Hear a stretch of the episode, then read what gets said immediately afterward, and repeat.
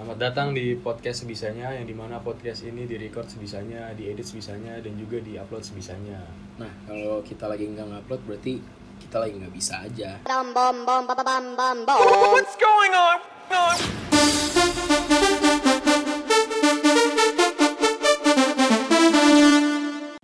Jadi di episode pertama ini kita mau sharing tentang pengalaman kita selama satu semester jadi anak perantauan.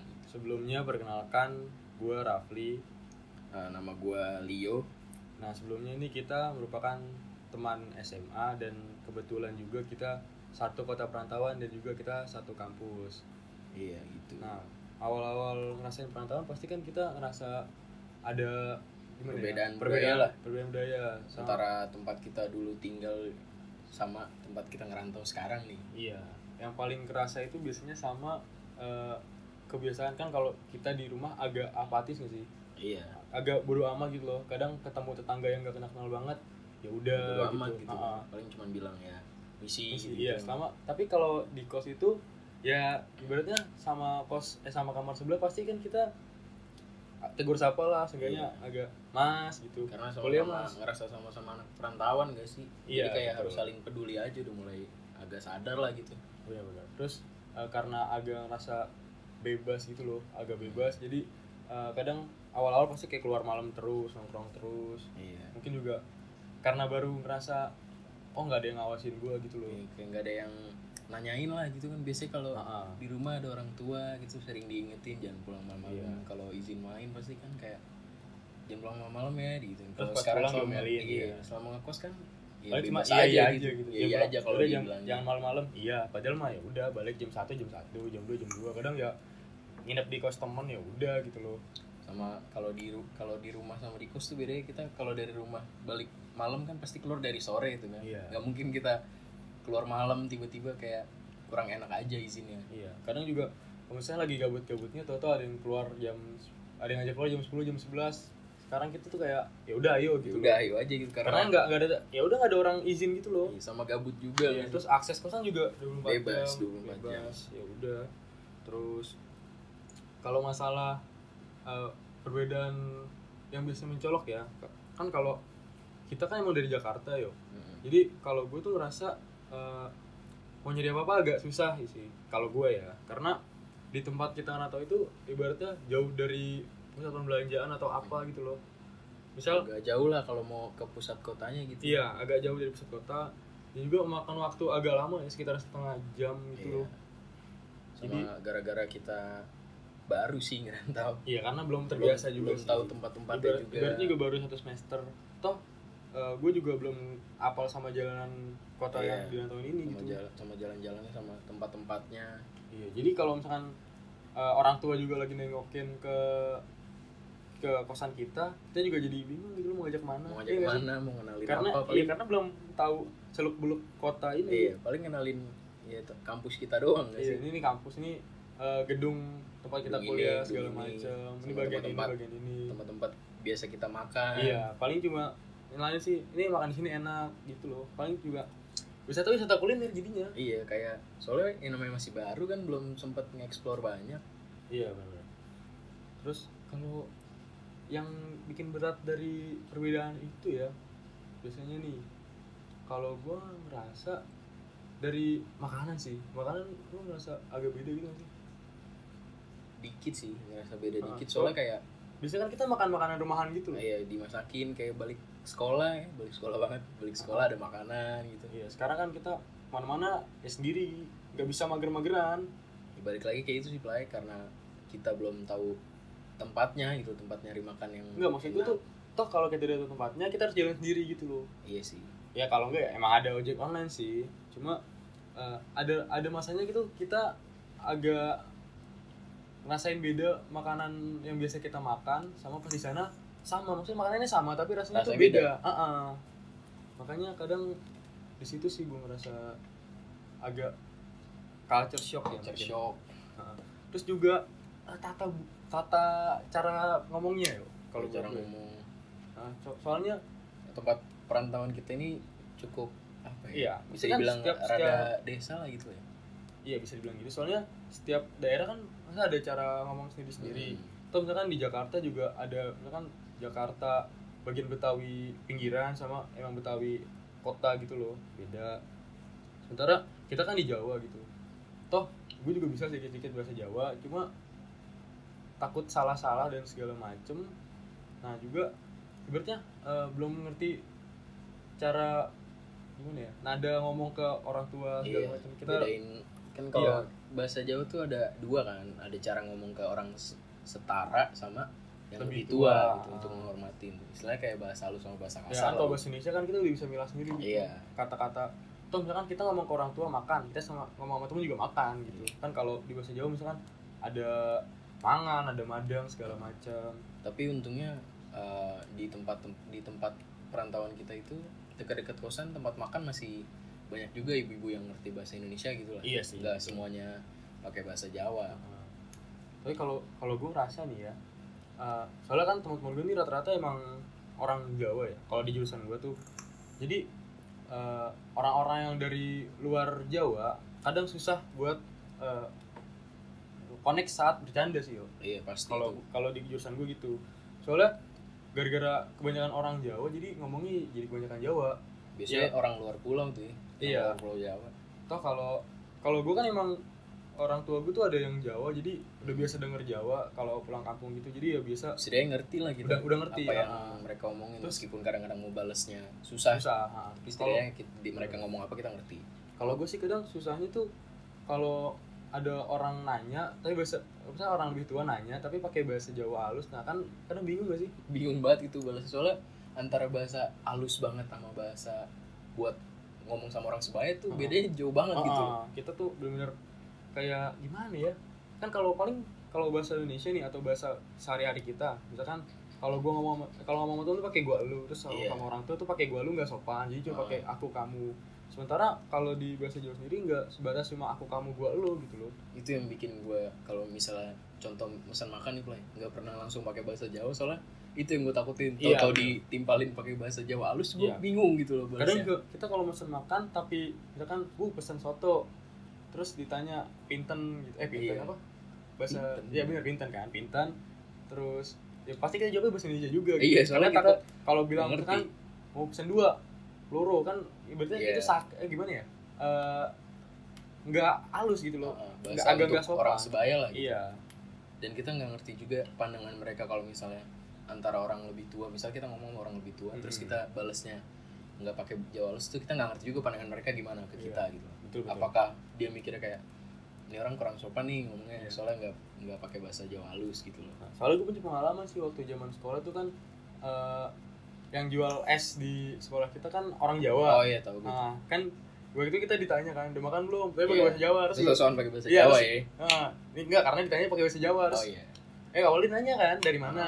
Oh, eh, saya dari Sragen gitu. Terus udah di Jogja diajak, eh diajak ngomong Jawa. Hmm. Kamu udah makan belum? Nah, gue jawab Wis bu, ternyata itu kasar katanya Ah. Terus bilangin kalau itu sampun gitu Oh, oh iya, makanya gara-gara itu gue jadi agak gimana ya Iya, Agak agak- gak enak aja, takut salah-salah sih Takutnya dibilang, oh kurang ajar nih anak segala Iya. macem Apalagi kita pendatang kan, Hmm. ibaratnya nggak bisa ngomong nggak bisa ngomong seenaknya gitu loh iya Karena ya bukan daerah kita Kita belum dipandang kurang enak lah sama mereka gitu tahu. Iya benar Habis itu juga ya gimana sih? Maksudnya biasa-biasa aja kalau kita ngerasa masih ya biasa-biasa aja nggak sih? ya karena apa ya play kita punya temen gitu di sana Iya. Toh eh, di sana juga kita masih sering ngomong ya, bahasa pergaulan kita nih sih. Iya. Bahasa biasa kita ngomong bahasa sehari-hari ke teman-teman kayak ngomong gua elu terus eh, logatnya juga masih logat Jakarta karena dari SMA kita juga banyak di kota Iya. perantauan itu.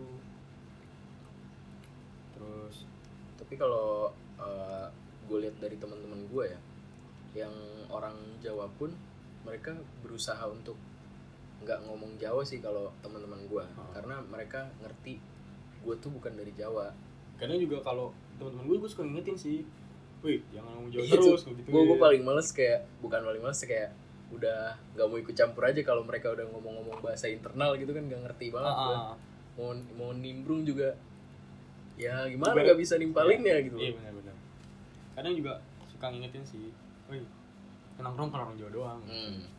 oh iya iya, iya maaf paling begitu langsung akhirnya ya udah ngomong biasa-biasa lagi cuma kalau bercanda-bercanda sih gue masih bisa nimpalin gitu loh masih bisa ngebales soalnya pertama nih gue ada first gathering gitu kan Hmm. first gathering kenalan kenalan sama satu jurusan nih kenalan kenalan pertama ketemu tuh kan biasanya kan Iya. cuma di grup berisik segala macem jadi pas ketemu diem aja Iya. terus kenalan dari nama saya Rafli dari Jakarta terus tiba-tiba mereka ngobrol Jawa tahu-tahu gue nimpalin nih terus loh kok bisa bahasa Jawa Iya, heran gitu ya. Iya, makanya kayak karena ngerasa banyak yang bisa bahasa Jawa, mereka jadi mau bahasa Jawa mulu. Menurut gue sih kayak gitu. Terus akhirnya ya saling ngingetin sih Hmm. ibaratnya. Terus juga kalau country shop juga untungnya teman-teman yang asli sana selalu ngasih tahu gitu, selalu ngasih tahu kayak ini tuh eh, di sini harusnya begini, nggak boleh gini gini, iya nggak sih? Saling yang ngebantu lah karena kita bukan orang sana ngasih tahu budaya yang benernya gimana gitu. Iya benar-benar. Terus lagi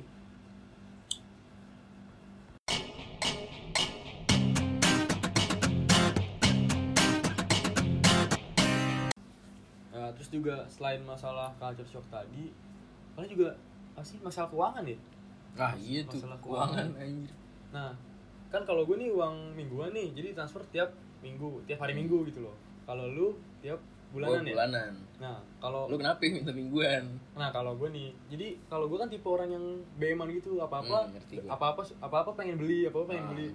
Toh gue juga orangnya kalau gabut ya suka buka e-commerce e-commerce yang gede gitu loh. Iya. Kayak ibaratnya gue lagi gabut nih, ah ngecek ah tahu-tahu kebeli apa, Tahu kebeli yang apa. bagus gitu iya, menarik kan. Tahu-tahu langsung gue beli.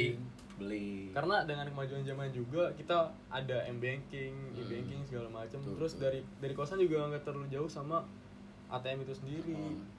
terus akhirnya kalau gua dikasih bulanan pasti gue pikir tuh bakal habis sama barang-barang yang nggak penting Iya benar juga. nah tapi juga bulanan gue juga sering ngerasa kehabisan duit karena eh mingguan ini sering ngerasa kehabisan duit karena ibaratnya kalau gue ngabisin duit ah ntar juga minggu depan transfer lagi kalau Iya, yang salah dari pola pikir gue tuh kayak gitu seharusnya Hmm. karena mingguan ya harusnya tuh pola pikir kita ya udah uang gue tinggal segini gitu Iya benar. terus juga kalau uang gue nih kadang nggak tahu sih yuk kadang suka hilang ke mana gitu loh Hilang ke mana? nah iya itu? nggak tahu abisnya ke mana atau tuh? misalnya makan nih makan sekali makan paling mahal paling kita cuma lima belas ribu gak sih Mm-mm.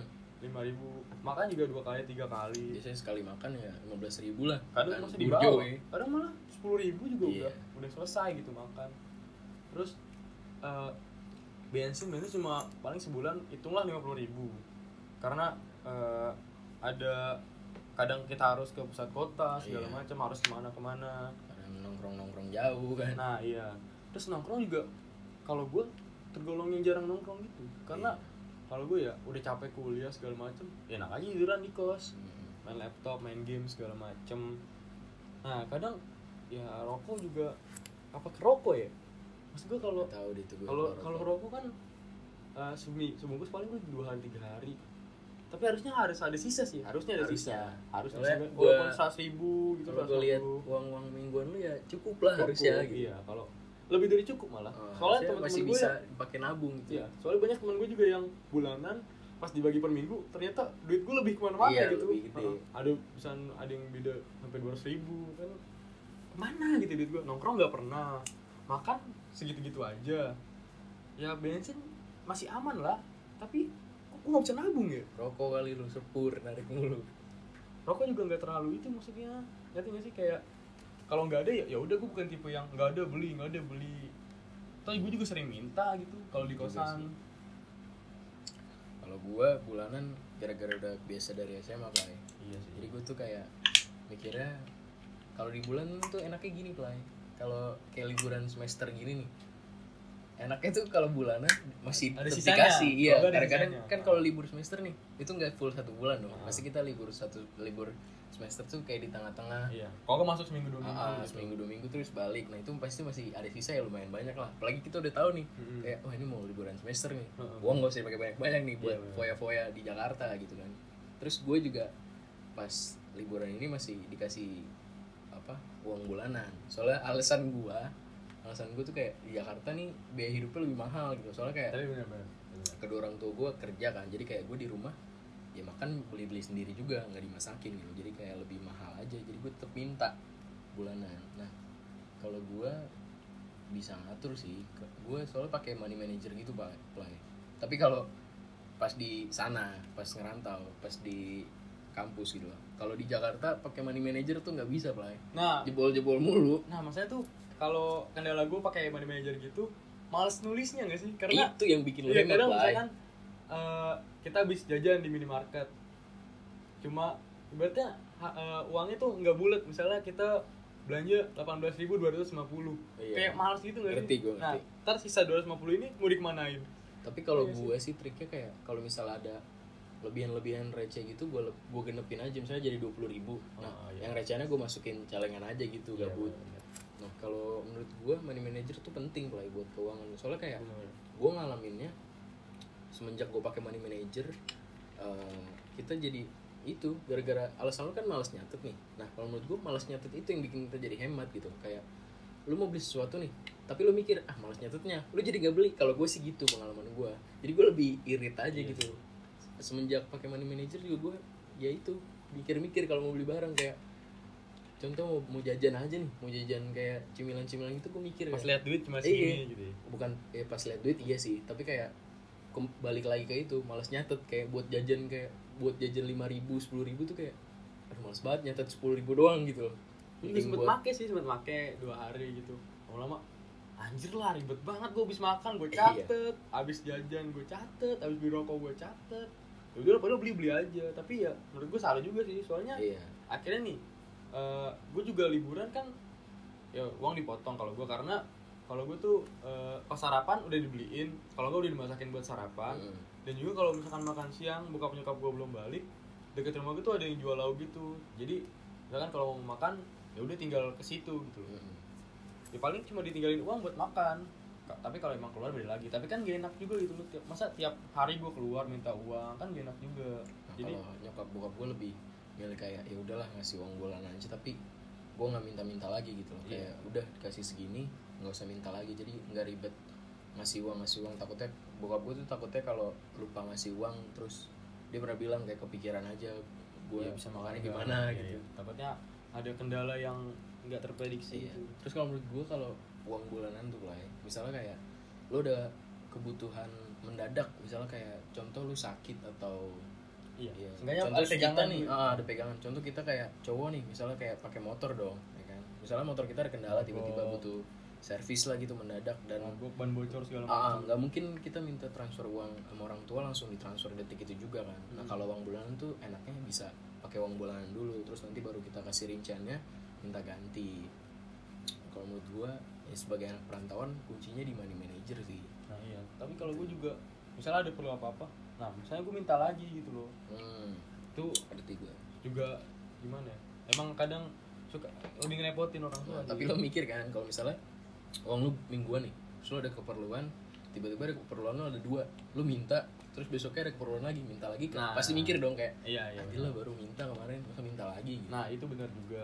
Cuma ya balik lagi ke alasan gue awal karena kalau gue minggu, kalau bulan, kalau gue bulan pasti lebih banyak kepake buat hal-hal yang gak penting gitu. Karena gue tipe orang yang korban iklan lah ibaratnya Iya. ngeliat apa ngerti ngerti gua. eh, bagus juga nih kalau gue beli. Beli kepancing iklan Iya. lah ya. Kita kan lihat kaos, anjir lucu banget. Akhirnya beli. Beli. Beda sih tiap orang. Iya sih benar-benar.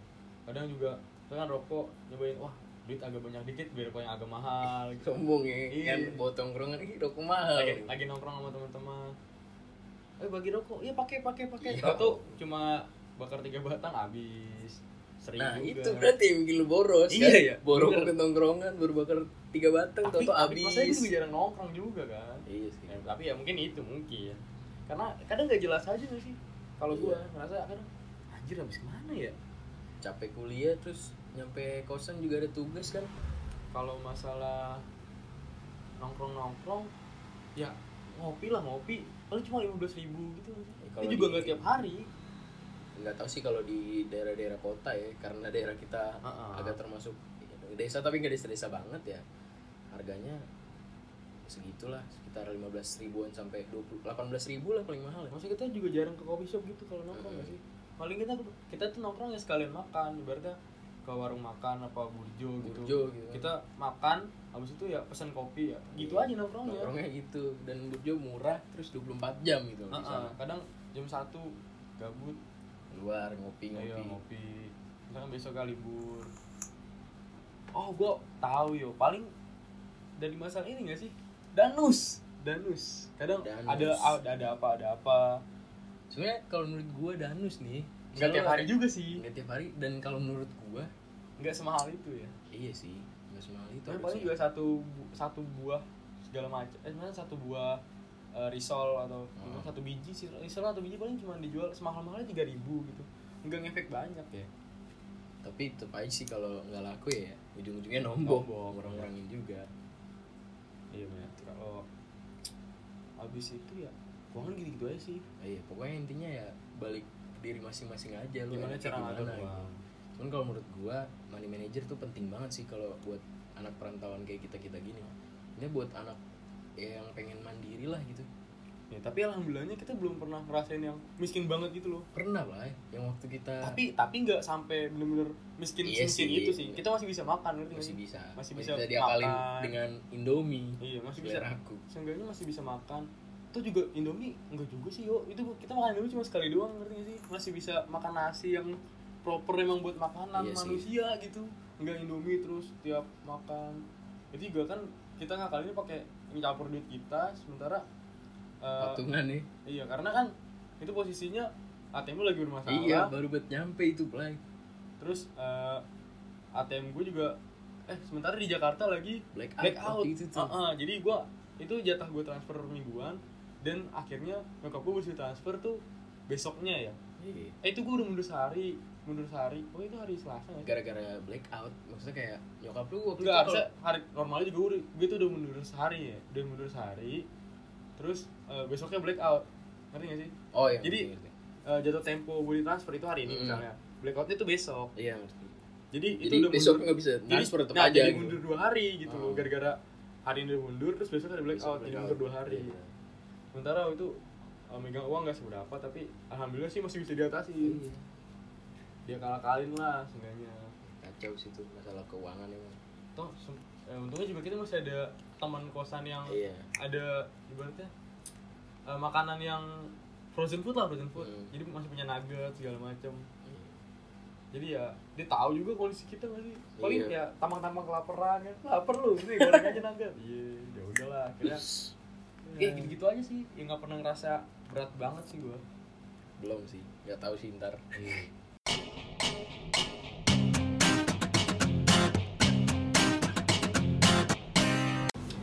paling masalah yang paling yang menurut gue paling penting dan paling sering dialami sih play. Itu homesick ya nggak sih? Iya itu jadi masalah kebanyakan orang saat merantau saat sih. perantau jadi anak perantauan. Karena biasanya kan selalu ada apa-apa gitu. loh. Iya. kalau ada apa-apa ya but- butuh orang butuh orang tua selalu ada. Eh, gitu loh. Butuh apa ya ada orang tua butuh apa ya ada orang tua. Sekarang kan kalau jadi anak perantauan ya kita harus apa-apa sendiri. Oh, udah jadi anak mandiri banget. Kalau ngandelin temen juga ya belum tentu bisa gitu loh karena soalnya teman kita juga begitu ngerti Uh, gak sih karena nggak ya kita nggak tahu mereka punya masalah yang sama dengan kita atau nggak takutnya kalau misalnya mereka punya masalah yang sama jadi jadi ngebebanin iya. gitu terus kalaupun nggak punya masalah yang sama juga takut ngerepotin juga Mm-mm. kan ya mungkin orang nggak selamanya senggang gitu kan kalau orang tua minta- dimintain tolong pasti ya nggak Iya, tega lah sama buat anak anaknya. gitu kan. iya benar soalnya teman-teman gua ya kalau teman kuliah gua nggak banyak sih yang ngalamin apa homesick. Entah nggak banyak atau Memang nggak karena- cerita aja. ah, nggak cerita. Tapi kalau teman SMA gua ya eh, ada yang yang ngalamin apa namanya homesick. Maksudnya kayak karena mereka di daerah perantauan mereka itu sendiri dan gak punya temen. Heeh.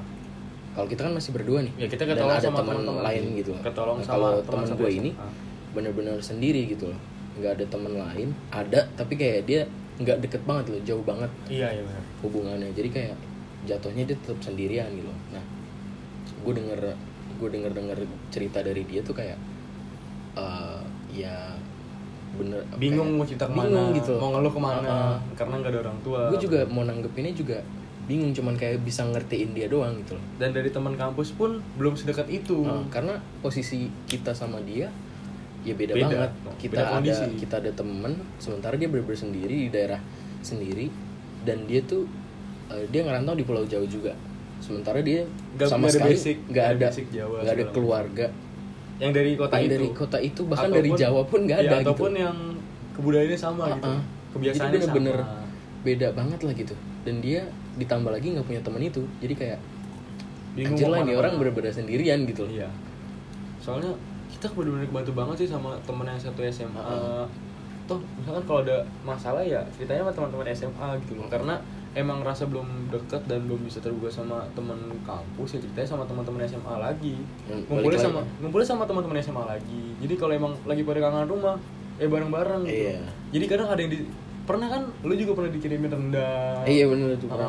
kayak gue pernah dibikinin teri sambal sambal pete tuh ya Iya, yang itu nggak kan- kita makan taruh kulkas Ah, malah. Emang yang sebenarnya yang dipa- di, paling dikangenin sama rumah itu masakan rumah gak sih? Heeh. Masa juga teman kita juga ada yang pernah dibawain kue, kue buat bener kue Iya. buatan rumahan Buatan tuh. rumah yang biasa dia emang di rumah tuh Makan nyokapnya, itu. nyokapnya sering bikin kue gitu loh. Ah. Yang bisa yang dikangenin dari homesick sih itu sih. Dan- sama teman-teman dulu, teman-teman yang lama gitu. Ah. Mungkin karena orangnya susah terbuka sama lingkungan baru ataupun emang agak susah bergaul dan kenal sama orang baru. ya balik lagi kayak ya balik lagi ke culture shock itu lah kayak itu yang bikin kita ngerasa homesick gitu kalau menurut gua ya. Karena kita beda banget lah budayanya. Iya, iya. jadi ngerasa kayak anjir gua kangen banget sama suasana dulu gitu. Gua gua nggak sanggup nih nggak ngadepin eh, ngerantau kayak gini.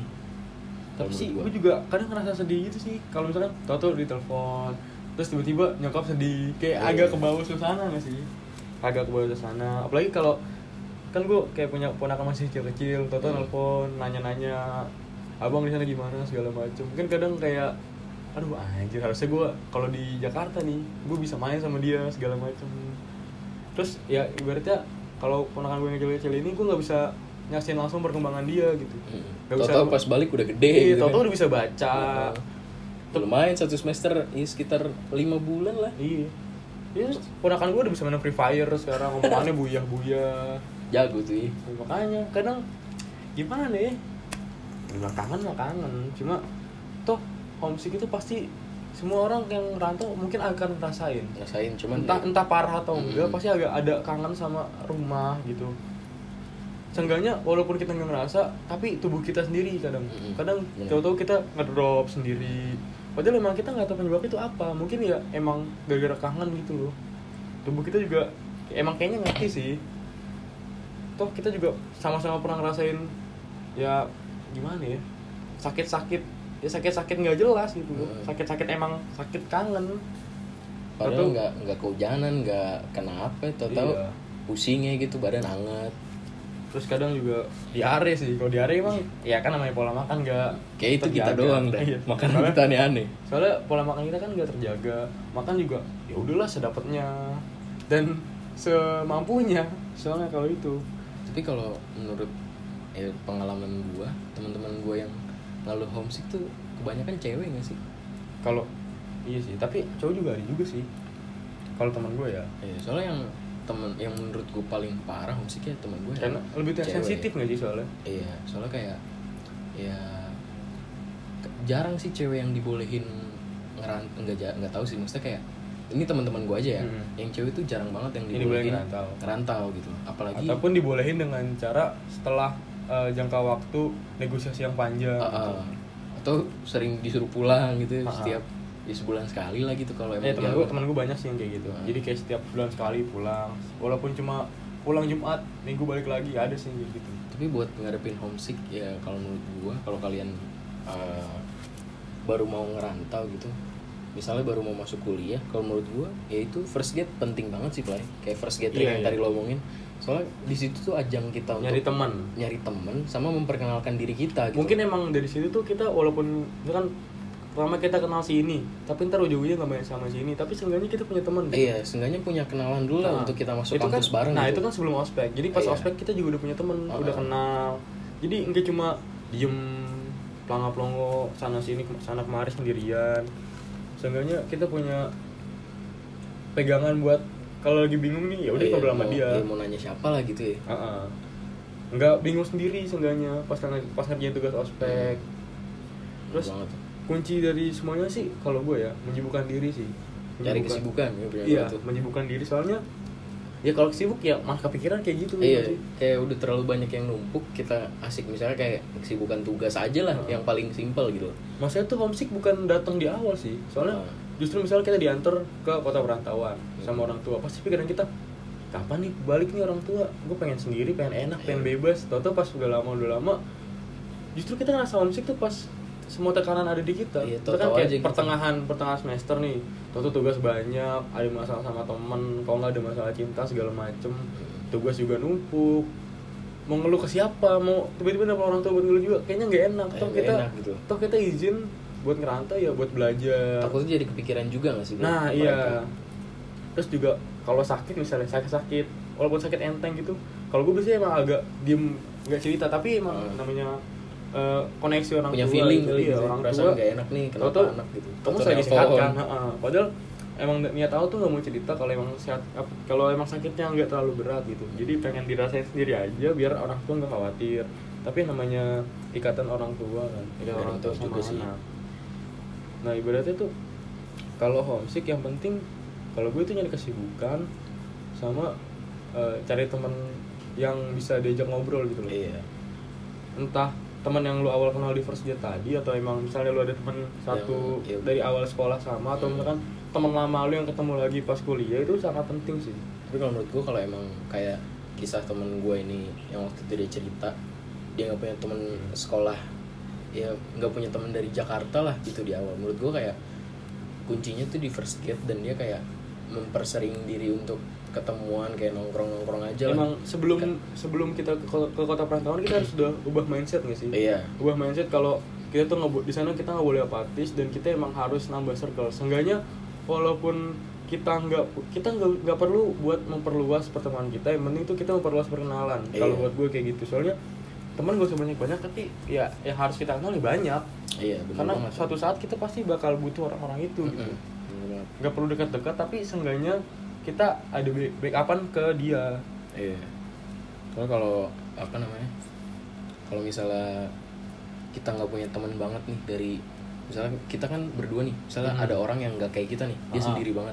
Itu pasti kalau menurut gua kalau dia sering ikut nongkrong lah minimal kayak walaupun dia nggak deket setidaknya kayak pasti lama-lama tuh karena nongkrong itu dia jadi nemu orang yang kayak "Ah, ini kayak lumayan klop nih sama gue Iya, bisa jadi benar-benar. tempat cerita kayak saling berkeluh kesah gitu. Nah itu menurut gue lumayan ngebantu sih walaupun kayak gue nggak nggak bisa ngomong ini manjur untuk semua orang karena Iya, iya. beda-beda. Setiap orang tuh bisa ngatasin homesicknya masing-masing beda-beda. Ada cara Nah, masing-masing cuman kalau menurut gue pribadi itu ya bisa dicoba sih untuk siapa tahu ngebantu kan buat ngatasin homesicknya. Soalnya ya kalau nggak nyari pertama nyari teman dulu terus kayak nyari kesibukan kalau nggak ada tugas ya lu ikut organisasi Iya. atau ikut UKM apa yang sesuai dengan hobi lu yang bisa lu lakuin dengan senang hati gitu loh jadi lu sesuai sama passion yang Iya, lu ngerasa sibuk, tapi lu ngejalaninnya walaupun sibuk, capek, seneng karena itu sesuai apa yang lu mau gitu. Kalau menurut gua Benar. gitu sih. sama yang penting tuh juga cari pendengar sih Hmm. mungkin kalau pendengar kan nggak harus ada di situ tapi kan bisa lewat telepon atau segala macam Iya. Tapi kok bisa eh, sebisa mungkin kita harus nyari pendengar yang fisiknya wujudnya ada gitu Iya. soalnya kalau kita tiba-tiba main telepon segala macam kan ya mungkin orang lain juga punya kesibukan Mm-mm. Seenggaknya kalau emang kita dekat sama dia, maksudnya posisi dalam dekat dalam konteks posisi gitu ya. Misalkan kayak gue sama lu kan gitu. Eh, satu kosan tapi beda kamar gitu. Hmm. Jadi ya tinggal ngomong segala macam. Terus yang penting juga saling denger sih. Iya. Jangan mau cuma didengerin tapi juga lu harus mendengarin. Sebenarnya nggak perlu lu sok-sok ngasih wejangan, ngasih solusi Hmm. segala macam. Yang penting lu ngedengerin dia, aja lu gitu. menghargai dia cerita. Seenggaknya dia punya eh, dia bisa ngerasain dia punya oh dia, gue juga punya orang buat berkeluh kesah gitu Soalnya kalau menurut kalau dikasih Ah. saran gitu juga Nggak berguna sih. Nggak berguna kalau menurut gua. toh kita bakal iya iya Mm-mm, doang tapi nggak bakal iya kita doang. lakuin Tapi nggak nggak bakal ngatasin masalah dalam detik itu juga gitu. iya Yang mungkin dia bakal mikirin solusi itu tapi Uh-uh. belum tentu solusi itu juga solusi terbaik buat, Buat dia. dia. yang penting di saat itu ya dia ini nggak ngerasa sendirian sih dia juga Iya, ngerasa benar. dia harus ngerasa oh ternyata gue di sini gue punya teman gitu Mm-mm. Ada yang dengerin gua nih. Iya, toh eh, sebenarnya teman di perantauan itu bisa dianggap keluarga juga kalau buat gue ya. apalagi yang sama-sama ngerantau gitu iya soalnya sama-sama ngerasain hal yang sama sama-sama kangen sama masakan rumah sama-sama kangen sama keluarga sama-sama kangen sama anak-anak kecil di dekat rumah Iya. atau keponakan adik segala macem. Dan juga kalau ngomongin rumah kan nggak se ya nggak selalu tentang eh, bangunan ataupun rumah sebenarnya rumah sih. Iya apa tuh yang lo maksud? Nah maksudnya kan enggak kalau rumah tuh ada ada berapa orang yang percaya rumah itu bisa berwujud dari seseorang. Toh misalnya kan lu nih LDR, Eh, cara ngakalin kayak gitu gimana? Pasti kan lu kangen-kangen gitu gak sih? pasti sih Ah, ah. kalau menurut gue ya ya nggak tahu sih ini manjur buat semua orang atau Sehingga sempetin waktu buat iya ya. minimal ya teleponan atau video call lah kalau enggak ya kan lu biasanya kalau di SMA nih sering sering bareng-bareng sering Ah. ngabisin uang bareng buat jalan kayak ketemuan non- nonton nongkrong atau ke mana pun itu bareng-bareng Iya. nah di perantauan ini kan lu nggak udah nggak bareng-bareng nih jadi lu kayak Uangnya pakai bisa uang lu sendiri-sendiri nah lu akalin kayak lu nabung bareng-bareng terus Buat kayak nemuin. buat ketemuan gitu Bener-bener. kayak misalnya dalam gua nih dalam satu semester kayak Bisa dua semester kali. awal pertama kan gue gue tuh masuk lebih awal dari dia kayak beda sebulan Ha-ha. beda beda tiga minggu lah nah pas gue udah mulai kuliah awal-awal dia tuh masih ospek gitu cuman waktu itu gabut jadi dia kayak Abis ospek ada jangka waktu berapa Ah, ah, minggu berapa- sebelum masuk kuliah iya, ya, terus masuk dia kelas. Ah. main ke kota gua habis itu gantian gua nabung Pas libur. dia. pas libur kayak main ke kota dia. ah, main ke kota dia Karena Habis- kan waktu liburnya juga nggak sama. Ah, kayak saling usaha aja itu buat ketemuan kalau Iya. emang masih pengen bareng-bareng Nah, ya soalnya emang kalau ibaratnya kalau lu cuma kangen bilang kangen-kangen di call segala macam ya buat apa? soalnya kalau menurut Ah, gue ah. juga Blay, kalau misalnya kita udah LDR dan masih bareng Ngatasin kangen ya ketemu gak sih? ah, ah, soalnya kalau misalnya cuman dan pikirannya tuh kalau kalau gue ya pikiran gue tuh kalau udah LDR dan masih berhubungan itu pikirannya udah nggak cuman sekedar pacaran doang Iya, Maksudnya pa- kayak pacaran sayang-sayangan, ngingetin Ah, ah. makan gitu ah, doang pasti sih? kayak berpikiran ya walaupun gue masih awal banget untuk untuk ngomong ini tapi kayak ya bener nggak sih kayak buat Hmm. apa lu berjuang LDR tapi nggak berujung ke sana gitu ya Iya, iya, ngerti iya. yang gue maksud lah gitu emang harus ketemu sih Ah, ah. kuncinya. Enggak Kayak cuma bilang kangen untuk, kangen. untuk bertahan lah gitu Iya benar-benar. karena ya kalau kangen ya kuncinya Butuh ngeliat fisik juga gitu ah, tuh. ketemu gitu ah. Toh tuh kalau di misalkan video call ya udah kita cuma lihat muka, nggak Ah. bisa kayak jalan bareng. Masa ya kita sama-sama ke mall jalan bareng.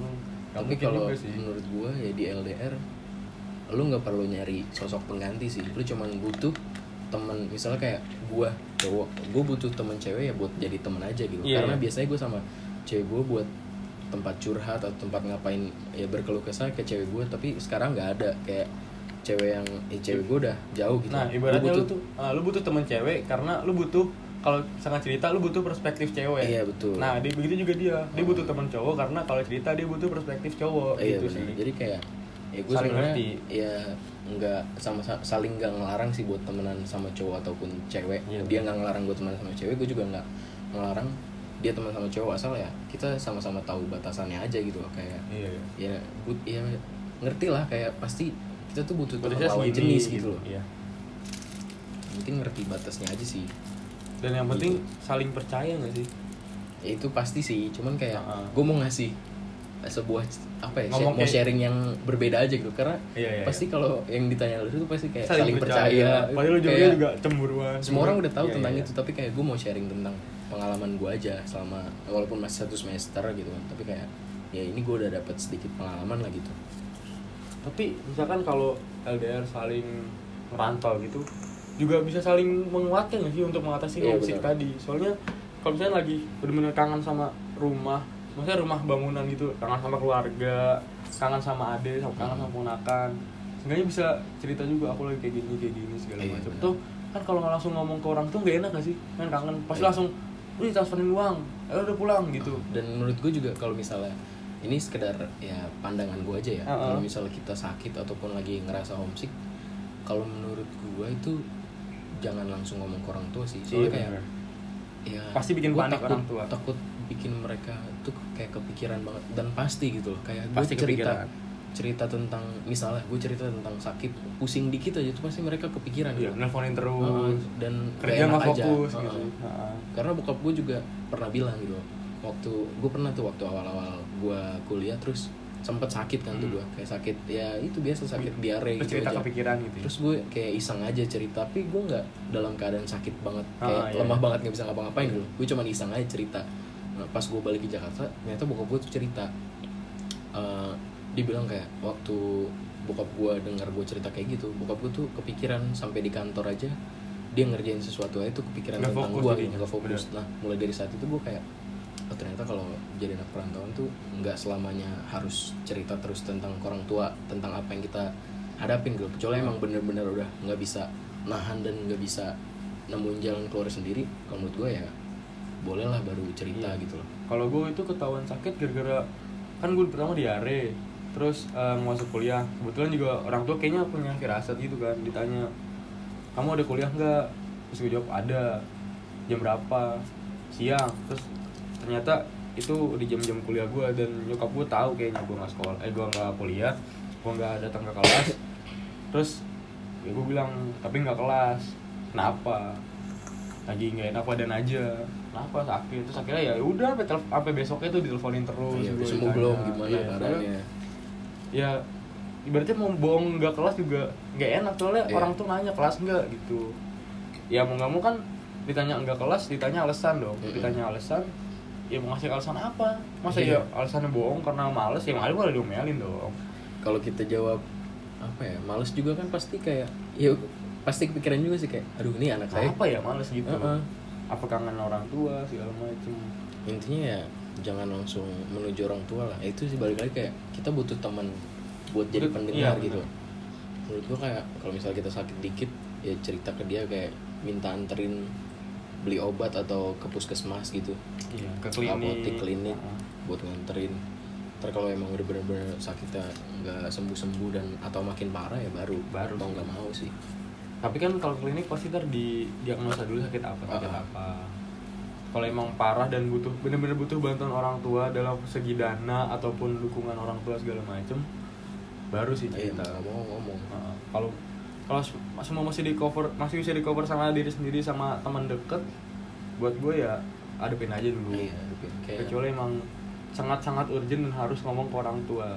Soalnya balik lagi tujuan kita ngerantau ya mau jadi mandiri gak sih? Iya mau jadi mandiri mau eh, ibaratnya eh, ngasih gimana ya ngajar ilmu ngajar Hmm. ilmu. Dan juga dan ilmu tuh nggak cuman soal tentang pelajaran gitu bisa iya pelajaran juga ilmu nggak- kehidupan menurut gue tuh penting banget gitu. Karena kata kontu aja juga hidup lebih luas dari ruang kelas. Iya. Jadi ibaratnya eh, ibaratnya tuh kita eh, kuliah belajar tuh nggak cuma di kelas. Mm-mm, benar. Kita pelajaran tuh bukan pelajaran mata kuliah segala macam tapi pelajaran juga ada pelajaran hidupnya gitu loh. Gimana cara kita ngatur duit kayak Betul. tadi. Gimana caranya kita ngatasin kangen sama orang tua di saat kita misalnya nanti kita eh, kerja juga ngerantau segala macam misalkan kita jadi orang sukses kita ke luar negeri atau gimana segala macam pasti kan ada kangen-kangen sama makanan Indonesia kangen sama orang tua juga segala macam benar juga sih. Paling eh, perantauan juga ngajarin kita ya banyak hal sih contoh dari tadi kan. Terus juga cara ngadepin banyak karakter orang yang beda-beda. Tahu karakter tahu banyak banget karakter lah dari teman-teman kita yang beragam. Nah terus yang paling penting adalah eh, kita jadi bisa lebih kenal sama diri sendiri Iya, kalau gua. Karena karena kalau eh, perantauan ini kita ngadepin suatu masalah itu benar-benar sendiri. Mm. kita harus bisa mengukur kemampuan kita itu sampai mana juga kita bisa sampai mana kita harus bisa nge- nge-explore lagi kemampuan kita sendiri sih itu penting banget sih kalau menurut gue soalnya kayak eh, yang tadinya biasanya kita tuh di rumah ada orang tua gitu. Ah, kayak apa-apa pasti ke orang tua. Nah di perantauan ini kita jadi belajar lebih mandiri dan mengenal diri sendiri itu Karena apa-apa banget. ngelakuin sendiri. iya Benar. penting banget buat kehidupan. Karena nanti kita tuh nggak selamanya bakal sama orang tua gitu. Loh kita bakal punya keluarga sendiri. Nah menurut gua di perantauan itu bakal ngebentuk kayak ngebantu kita. Ngebentuk diri kita yang lebih baik. Ah, pas nanti kita bener-bener punya keluarga sendiri kita jadi ya punya pengalaman. Salah satunya dari ngerantau Iya. ini sih kalau menurut tapi itu bener juga sih karena gue semenjak eh, sekolah dikasih motor gue tuh nggak pernah servis sendiri bener-bener. Semua diservisin sama orang tua. Enggak nih serius gue nggak pernah diservisin nggak nyer- nggak pernah nyervis sendiri jadi servis orang tua. Terus ya semenjak ngerata emang nggak mau gue servis sendiri dong. Iya benar. Dan akhirnya ngerasain anjir enak juga nggak servis ya. Jadi kayak kita gabut mau Oh. ngapain. Terus ya selain itu juga gimana ya? Eh, yang paling nggak enak itu ini apa? Eh, pelajaran yang paling ke bawah sama gue tuh mandiri gue ke bawah sampai rumah. Kalau gue sih kayak gitu. Iya. ibaratnya gue habis makan bener-bener nyuci piring sendiri sekarang. Walaupun emang nggak disuruh orang tua gitu ya. Ah. tapi emang udah kebiasaan aja. Meskipun kayak- nyucinya ntar-ntaran nih. Iya tapi emang tapi setidaknya tanggung kita punya ngerasa tanggung jawab untuk waduh piring gua belum cuci nih gak enak Ah. aja ngeliatnya kotor gitu kan. Bener sih. Terus kayak rapiin kamar sendiri itu kayak bener-bener dulu zaman gue sekolah ya gue bangun sekolah ya udah selimut biarin aja gitu. Iya. juga dil- Atau dilipatin sama orang balik-balik tua. sekolah udah rapi, kamar. nah sekarang tuh ibaratnya lu kuliah ninggalin kamar yang gak rapi ya lu bakal balik tetap nggak rapi. Iya. Makanya kayak balik lagi ke lu nya lu mau rapi atau enggak gitu. Iya semua pelajaran bakal ke bawah sih kalau emang rantau. Tapi buat anak-anak perantauan kayak gue ini gue dari SMA udah. Gue selalu ingat kata-kata bokap gue sih kayak kalau Iya. gue main atau bergaul selalu di bokap gue tuh selalu bilang kayak jangan pernah kamu tuh ngikutin kesenangan sesaat loh. Kayak ngelakuin sebuah hal yang sifatnya tuh buat kesenangan sesaat doang jadi gue dengan kata-kata itu sampai sekarang gue pegang banget kayak setiap gue mau ngelakuin sesuatu hal yang menurut gue kurang bermanfaat buat gue gue jadi mikir kayak tinggalin aduh kayak ini nggak ada manfaatnya nih iya. cuman cuman buat kesenangan gue sesaat aja nih so kayak itu kata-kata yang bakal gue pegang terus sih sampai gue tua nanti gitu loh Iya sih. Terus juga ibaratnya orang tua gue tiap nelfon selalu selalu ninggalin pesan bilang eh, ingat apa tujuan kamu pas pertama kali izin ngerantau Iya. sama mama papa. Terus eh, ingat juga kamu ditransferin uang itu buat apa. Dan akhirnya ya udah itu jadi amanat yang bakal dipegang Iya. teguh kita sampai lulus ataupun mungkin nanti kita kerja ngerantau segala macam kan Mm-mm. ya ujung-ujungnya kita yang, perlu dipegang adalah kita rantau ujung-ujungnya cuma buat bangin orang tua dan juga nyari ilmu yang emang bakal penting banget kehidupan kita sih Iya.